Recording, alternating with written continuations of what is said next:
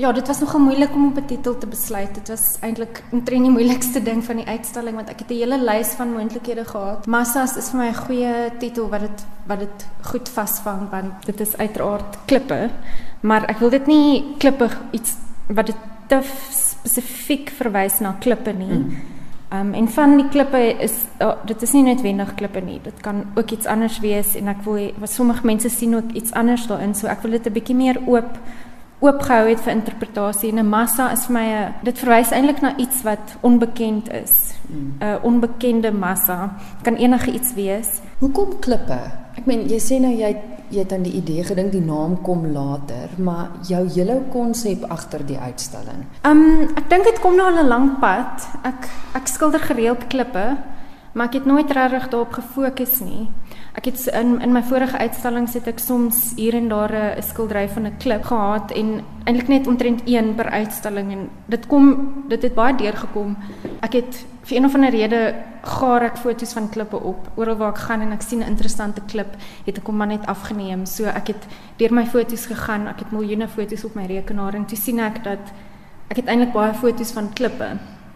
En toe dink ek hoekom fascineer dit my so en ek het hierdie die foto's bymekaar gemaak en en um, wat vir my interessant is as ek sinema gaan stap of op die internet rondsoek vir vir foto's dis vir my altyd interessant as mens mense oë oop hou vir iets spesifiek dan kyk 'n mens na die plek of met 'n met 'n ander lens. Byvoorbeeld ek het al gereis en dan het ek spesifiek foto's geneem van bome en ek het nou die laaste paar keer wat ek gaan stap het het ek spesifiek gesoek vir klippe klippe wat my op wat opvallend is en dit dit maak dat dit 'n hele ander ervaring is van die die landskap of die plek. So ek het al my ek het al gefokus op 'n spesifieke element in die landskap. En um, ek het ook die voorreg gehad om 'n paar keer te gaan stap met 'n groep mense in klowe. Daar's net hierdie ongelooflike groot klippe wat in hierdie klowe lê en mens mens begin gewoonlik bo en beweeg af onder toe of begin onder en beweeg af boontoe en dan moet mens bo hierdie klippe klim. So ek het baie naby aan hierdie klippe gekom en ek het mens mens moet mens moet al na die klip kyk en hom analiseer en dink hoe gaan mens boor hom kom of verby hom kom.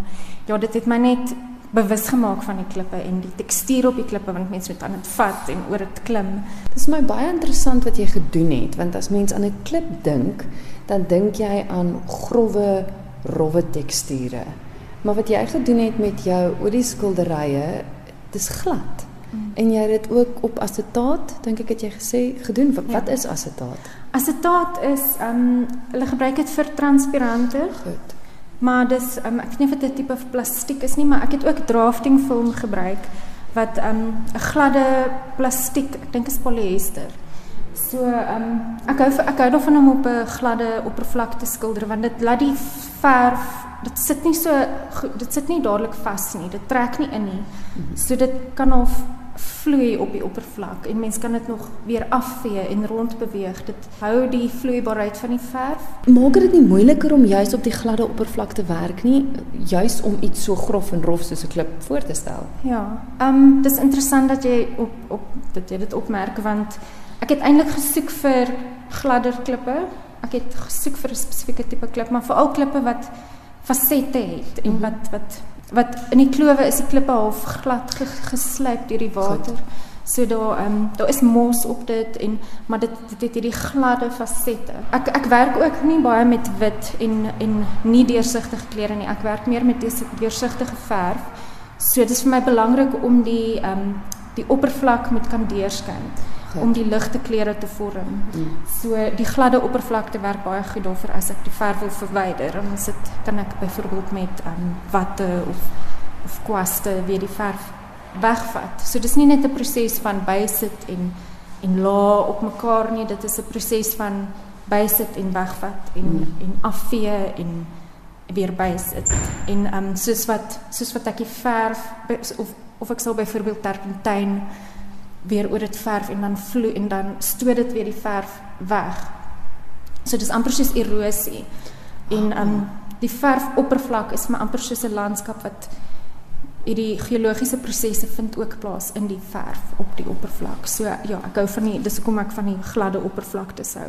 Ons gaan nou kyk na nog 'n tegniek wat jy gebruik het waar jy multimedia gebruik het, maar eers gou, meestal is dit net die klippe, maar hier en daar het het van jou skilderye ook figure in. Ja. Ehm um, die figure doen vir my iets interessant aan die aan die rotse want dit gee dit skaal.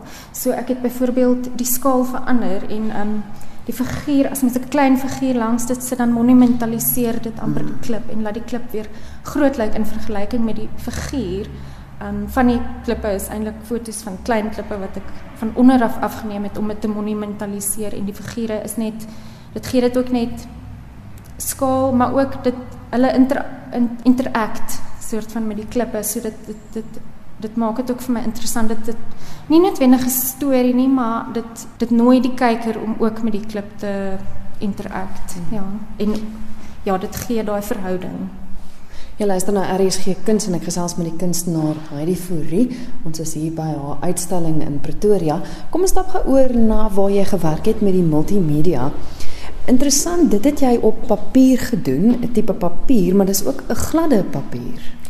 Ehm um, ja, dis dis maar net ek het spesifieke papier gekies wat nie 'n tekstuur het nie want dis eintlik collages en ehm um, dit laat dit die gom sit nou maar net beter op net vas as dit nie 'n tekstuur het nie. Ehm um, maar dis maar gewone gewone papier. So wat het jy gebruik alles vir die collages? Vertel my van die tegniek. Ehm um, die collages kom ook eintlik al 'n lang pad want dit wat jy daar kan sien is ehm um, dis eintlik my palette ek gebruik um papierpalette. So dis is 'n vel palette mm. wat 'n mens kan afskeer elke keer as hy nou vol verf is.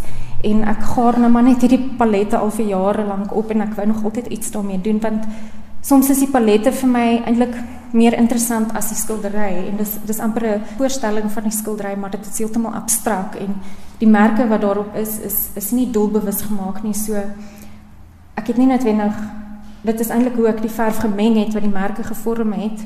So daar het vir my interessante goed gebeur wat ek nie noodwendig my inhibisies was nie so betrokke daarbey nie. So ek het um hierdie interessante merke, ek het in die palette gaan soek vir interessante merke en dit uitgesny en dit weer gerangskik om 'n om 'n landskap om 'n tipe van 'n landskap te vorm.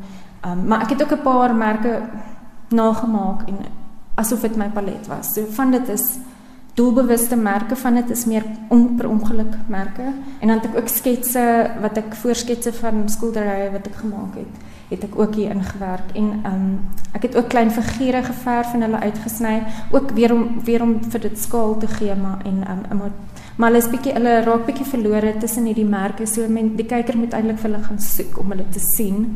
En um, ja dit was vir my baie interessante uitdagende werk hierdie ek het dit nogal baie geniet en ek het dit eindeloos herrangskik en herrangskik want want dit is nou 'n ander benadering tot 'n ja.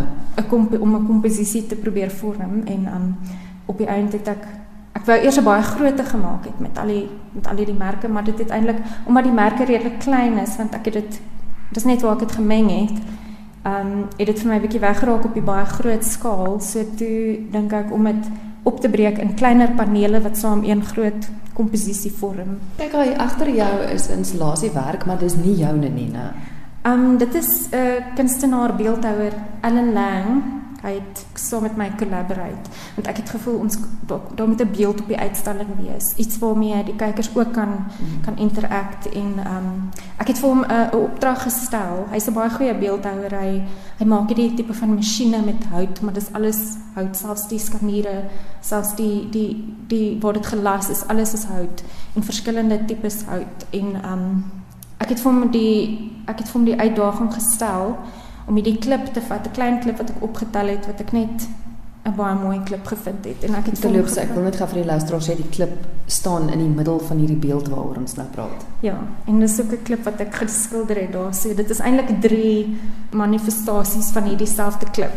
Maar ehm um, ek het vir hom gesê hy moet die klip monumentaliseer in 'n beeld om ook die klip half gewigloos te maak. Want hout is is is 'n ligte medium en 'n klip is 'n swaar medium. So ek hou van daai speling van 'n swaar klip en ligte hout en so wat hy gemaak het is hy dis 'n tipe van 'n raam van die klip. Hy die fasette geanaliseer en 'n tipe van 'n 'n raamstruktuur van die klip gemaak en um, en die klip is in die middel, so dis amper soos 'n vergroting van die klip en die skaduwees op die vloer wat dit maak is ongelooflik mooi, maar mens kan ook deur die klip na die skildery van die klip kyk en na die klip self. So dit is net ehm um, ja, dit is drie vorms van die klip.